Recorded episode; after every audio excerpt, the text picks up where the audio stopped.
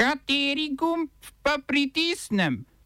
Tisti, na katerem piše OF. V ZDA nov moratorij na deložacije. Srbski bojkot srečanja predsedništva Bosne in Hercegovine. Strelski obračun med policisti dveh indijskih zvezdnih držav. Nadaljevanje spopadov med talibi in vladnimi silami na jugu Afganistana in v Kabulu.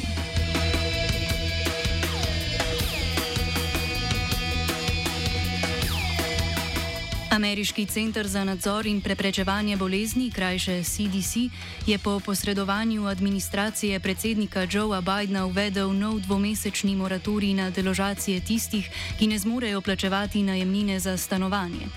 Prejšnji moratorij, ki je potekel v soboto, je bil sprejet v prvem valu pandemije COVID-19. Moratorij je bil do avgusta sicer večkrat podaljšan, vendar je ameriško vrhovno sodišče vsakič znova opozorilo, da vlada za moratorij potrebuje odobritev kongresa. Ko je moratorij 21. julija poteklo, Ko je moratorij 21. julija potekel, je Bela hiša zatrjevala, da nima več pravne podlage za njegovo podaljšanje, kljub pozivom in prizadevanjem iz demokratskega dela kongresa za to, da bi se veljavnost moratorija podaljšala. Demokrati so namreč mnenja, da je moratorij nujen za varnost državljanov, ki jih je hitro napredujoča, bolj nalezljiva verzija virusa najbolj prizadela. Bela hiša je še do torka zatrjevala, da je v skladu za pomoč pod najemnikom, vrednem skoraj 40 milijard evrov, dovolj denarja za najbolj ogrožene. Denar je zvezdna vlada sicer res razdelila zvezdnim državam, vendar ga večina ni dosegla pod najemnikov. Zvezdne države in mesta ga namreč ne delijo med državljane, ki jim neposredno grozi izguba bivališča v naslednjih dveh mesecih, takih pa naj bi bilo okrog pol drugi milijon ljudi. Problematika je včeraj dobila začasno rešitev z dvomesečnim moratorijem, za katerega je ameriška vlada skoraj čudežno našla pravno podlago, ki ji vrhovno sodišče v Washingtonu ni nasprotovalo. Novi moratorij, ki ga je uradno uvedel CDC, bo bolj omejen kot njegov predhodnik, saj bo veljal le za zvezdne države, v katerih se virus širi najhitreje. Na presenečenje redkih so to države z najmanjšim deležem cepljenih, zato je predsednik Biden pozval ljudi k cepljenju.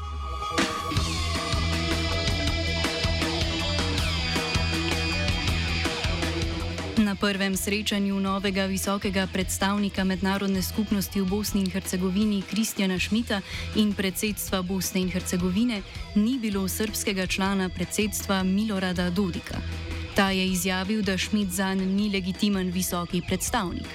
Spor med Dodikom in Predstavnikom mednarodne skupnosti, ki ima v Bosni in Hercegovini po Daytonskem sporazumu skoraj neodvisno zakonodajno oblast, se je močno zaostril teden dni nazaj, ko se je mandat predstavnika iztekel Valentinu Insku.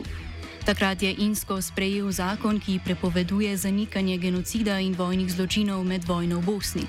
To je ujezilo srpski del bosanske politike, ki na zakon odgovarja z bojkotom srečanja z novim predstavnikom Šmitom, na katerem je ta izrazil obžalovanje zaradi Dodikovega bojkota. Dodal je, da bo tesno sodeloval z Evropsko unijo in ZDA, ter da bo v prizadevanju za razvoj Bosne in Hercegovine upravljal naloge v skladu z Daytonskim sporazumom.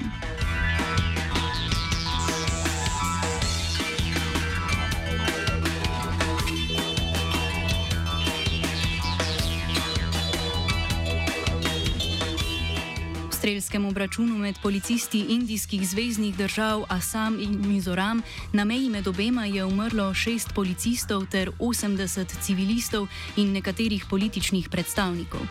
Ti dve severovzhodni regiji sta znani po sporih glede meje. Mizoram je bila v času britanske nadvlade namreč del Assama in, dosega, in dosegla status od Assama neodvisne zvezdne države šele štiri desetletja po britanskem odhodu. Prvič je do spopadov na meji prišlo leta 1994, strasti je takrat pomirila zvezdna vlada. Nasilje se je znova začelo oktobra lani, ko so se spopadli obmejni prebivalci obeh regij. Za tokratni policijski spopad asamski predstavniki krivijo mizoramske napade na asamske politike, kar mizoramski predstavniki zanikajo. Z voditelji vlad obeh držav se je sestal tudi indijski predsednik Nadzera Modi, ki, po, ki pa dogodka ni javno komentiral.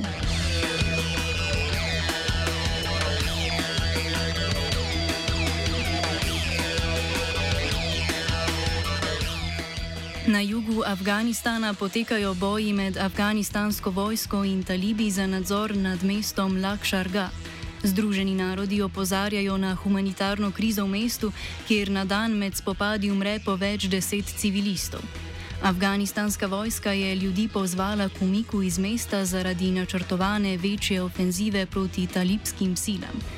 Po umiku NATO-vih sil na čelu z ZDA iz Afganistana se je povečala dejavnost talibskih milic, ki poskušajo zauzeti pomembne strateške točke v državi in spodnesti vlado v Kabulu. Danes so prav tam talibi izvedli bombni napad na rezidenco afganistanskega obramnega ministra, ki je napad sicer preživel. Oba, če, če bom odgovoril na angliški. Slovenija bo poskušala pomagati. Slovenija bo naredila svoj utmost, da bo rekla, da je situacija naš problem. In bomo naredili nadaljnje korake, as soon as the conditions are. Bomo vlado Marjana Cererja, Marjana Cererja Šarca podprli. Very, very serious. From Slovenija. We know how and we will. Potem, ko je novi generalni direktor RTV Slovenija Andrej Grah Vodmov v petek podal predlog za razrešitev direktorice televizije Natalije Gorščak, si predsednik programskega sveta RTV prizadeva za čim hitrejši sklic izredne seje programskega sveta, na kateri bi odločali o njeni razrešitvi. V primeru, da programski svet v 15 dneh ne bo dosegel odločitve, zakon dovoljuje generalnemu direktorju, da direktorico televizije razreši sam. Direktor Grah direktorici Gorščak uradno očita vrsto nepravilnosti pri opravljanju funkcije, vendar je pod vprašaj postavljen čas predloga. Tega je Grah podal tik pred parlamentarnimi počitnicami, ko je zaradi dopustovanj težko sklicati celoten 29-članski programski svet, ki večinoma ne podpira Grahovega predloga. Če svet želi zavrniti predlog, mora to storiti sklepčno, za kar pa zna biti 15 dni premalo.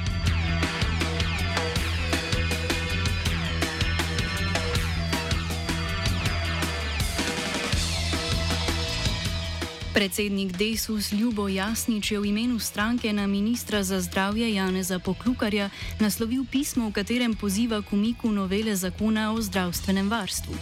Glavni razlog za nasprotovanje Jasniča so spremembe, ki se nanašajo na sistem upravljanja Zavoda za zdravstveno zavarovanje Slovenije in so zmotile tudi sindikate. Spremembe zakona predvidevajo, da bi se ukinila skupščina in upravni odbor ZZZS. Sedaj skupščino ZZZS sestavlja 45 članov. Med 20 predstavniki delodajalcev vlada imenuje 4, 25 pa je predstavnikov zavarovancev. Po novem bi vlada izbrala pet članov 11 članskega sveta, ki bi nadomestil dosedanje organe upravljanja. Za vsa delodajalska združenja bi bili na voljo dve mesti, predstavniki zavarovancev pa bi bili štirje.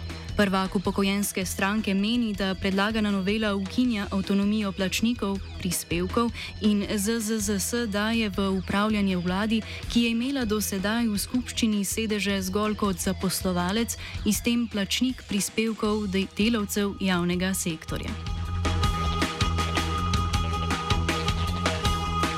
OF je pripravil Vito.